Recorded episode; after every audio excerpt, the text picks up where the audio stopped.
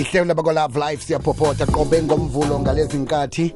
Vane kube nje kanti-ke namhlanje singelokuphela lonyaka ka-2022 namhlanje sike sikhuluma ngokuqakatheka kwendawo namtshana-ke amaziko wezepilo emphakathini yangikhethu umnqopho wabasebenzi bezempilo emphakathini kukhwezelela imisebenzi yezamaphilo nemiphumela emihle phezu kwenkuli emphakathini echejiweko ngokusebenza-ke komkhumbulo wepilo yomphakathi endaweni eh nezi nezingeni eh, lomphakathi abasebenzi bezamaphilo-ke emphakathini eh, banganikela ngezenzelwa eziqalelela umphakathi othileko bese ziletha ipilo engcono emphakathini leyo.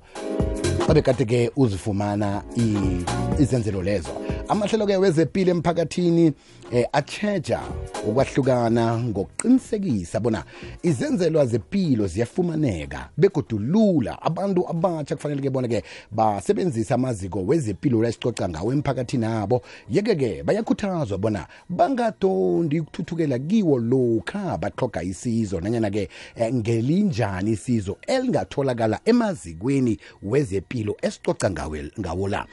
Nje-ke sikhambisana sikhambiselana nesithekeli sethu udade udokas wakwanhlapho sesidokas utshani ngiyalotsha kwebiziwe nabalaleli bekwekwezi. Sesivala nje umnyaka ku-2022 akhe sikhulume nganasi indaba eqakathekileko. Yini ukuqakatheka kweziko lezempilo endaweni zemphakathini? Ukuqakatheka kwezempilo kweziko lezempilo emphakathini wethu ukunikela ngesizo elithuthukisa amaphilo wabantu emphakathini wethu mm. that will also got to do ukuthi it will improve i-health care yabantu emphakathini so ukuthuthukisa uh, amaphilo wabo eh njengomphakathi ukuthi mawungathi umphakathi noma uhlala kwi community and then sithola ukuthi abantu bayagula mm. Hmm. njeke siyazi ukuthi kezinye indawo um indawo ezifana nemtholapilo imbedlela azikho kodwa ke kuhambe kube nabomakhamba ngendlwana unqopho wamaziko la wezepilo eh, ngenguphi ukusuka phezulu kurhulumente ukufika le phasi emntwini ohlala emakhaya? Ukuthi kunande kuba eh, nomakhamba ngendlwana namtshana kube nekliniki namtshana kube nesibhedlela? Ya umqopho wakhona noma the purpose yama healthcare facilities is to provide health care ebantwini. This will include emaclinic wethu ibhedlela kuma outpatient kuma specialized care centers which is um, ama-clinic wezindlwana lama mobile clinics uh, that are making sure ukuthi noma usemakhaya kuma rural areas mm. you uzolithola usizo olufana nomuntu usizo lwakhona lungahluki kumuntu ose oselokishini. You know if you go for TB treatment na ku mobile clinic leyo treatment leyo it will be there. I-screening yakhona it will be there. Without it, it, it has standard uh, uh, care health care. Eya wonke umuntu inclusive despite whether unemali noma awunamali. Yezi asesidokasi eh ngiphile endaweni eziningi esikhulukhulu ke endaweni zemakhaya. Lapho ke umakhamba ngendlwana womtholapilo uza ngakanye mhlambe ngeveke. Eh asibakhuthaze ukuthi nalokho mhlambe eh, umakhamba ngendlwana bekakhona namhlanje singithoma ukugula kusasa. Eh kuyakhoneka ukuthi ngisuke la ngikhona ngiye kenye indawo lapho ekunomtholapilo khona ngoba nangeze ngalinda iveke yonke ukuthi abuye ngikhetho apha begodwa sikhuthaze nalaba abanina bayi ukuthi hawa kanti kuba yini uza ngapha wena ngoba awusingwa la wena? Wasuka kude kangaka weza ukuthatha insetshenziswa zala? Asibakhuthaze nje ukuthi babe nenhliziyo ezivulekileko you know um abantu bethu noma umphakathi noma abantu bethu abasha kunezinto eziqhakatheke kakhulu okumele bazinanzelele.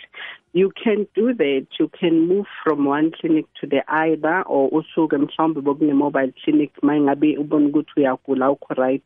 Unalo ilungelo yokuchinga eclinic emtholampilo oseduze nawe ukuze ukwazi ukuthola i-treatment. However we are not encouraging ukuthi umuntu amove from one facility to the other with one diagnosis because kwesinye isikhathi udiagnoswa manje mhlawumbe let's say for an example with the HIV and then ungabakholwa bese sokuthi ngiyo hmm. ngiyo testa futhi kwenye clinic ungabakholwa or udle i treatment u hmm. default. So usaba ukubuyela emtholampilo wakho because hmm. now bazothi why are you defaulting and then you want to jump to another clinic mm. these are the guidelines ne, that are set for ama healthcare professionals mm. all over so that is why i kwesinye isikhathi nathi noma sibuyele ekhaya asibe honest to ababelethi bethu ukuthi uzovela uthi abangitreatanga right kanti kwesinye isikhathi ifault yakho. So we are doing ama awareness ukuthi masisebenzisaneni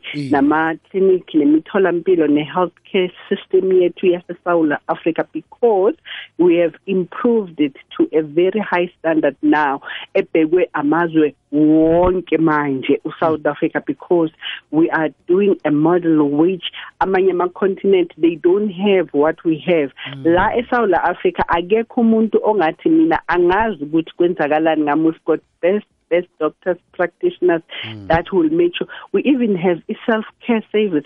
Do you know ukuthi even the HIV there is a HIV self screening wenozenza yona. You know so sizama ukubakhuthaza ukuthi we're going to do this.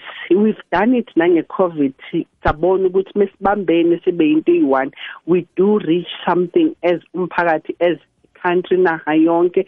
So we can still do this. So bantu bethu basha go to the clinic. We've even added ama youth zones. Ama youth zones ama friendly extended uh, uh, clinics which most of the time ala in in the same facilities maybe behind kunamazozo or something where they even have ama groundbreakers from Gulove Life which are young mm. people who are allocated a specific nurse or doctor ukuthi abantu basha if ungafuna ukuya ngale kuyagulwa kunabantu belethi and so awufuthi iya kuma youth zones wekubuza iclinic yakho ukuthi inama youth zones because we are trying to create ama youth friendly adolescent friendly mm. services that young people they should access go there uyazi ukuthi you can get help anytime you know. So that is where we are manje as iSouth Africa inaha yonke Sisidokasi siyazi ukuthi siyavala namhlanje siza kubuya ngomnyaka ozako kodwa ke ngiyazi ukuthi kunendlela abangakhona ukuthi bathintane nani ku social media nenomborweni ngengiziphi?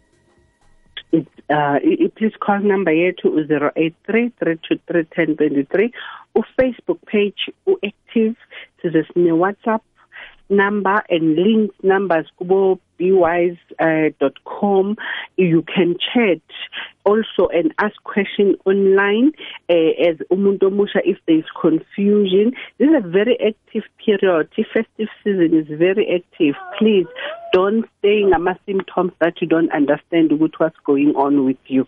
Chinga eclinic yakho msinyane ukuze ukwazi ukuthi access i-health care intervention enidekayo ngaleso sikhathi leso. And to say just to say this out of uh, with uh, included the, the, this uh, topic but ngithanda ukubabonga abantu bethu abasha because now they are more on social media. Our facebook it's it's buzzing with young people. They are using clinics. They they are more coming back. In a STI nginani ngine HIV please keep up that keep the good mm -hmm. work. We're going to do this we will win this one way or another. Sithokoze sithokoze khuluma mbala hlangane kodwa ngomnyaka zako ngiyathokoza nami nibe nonyaka omuhle ngiyabonga. Thokoze khulu kwamambala silivala njalo kunyaka 2022 laba kwa-love life sinencabezeni thokoza lapha kulomkhanyo khona ithemba likhona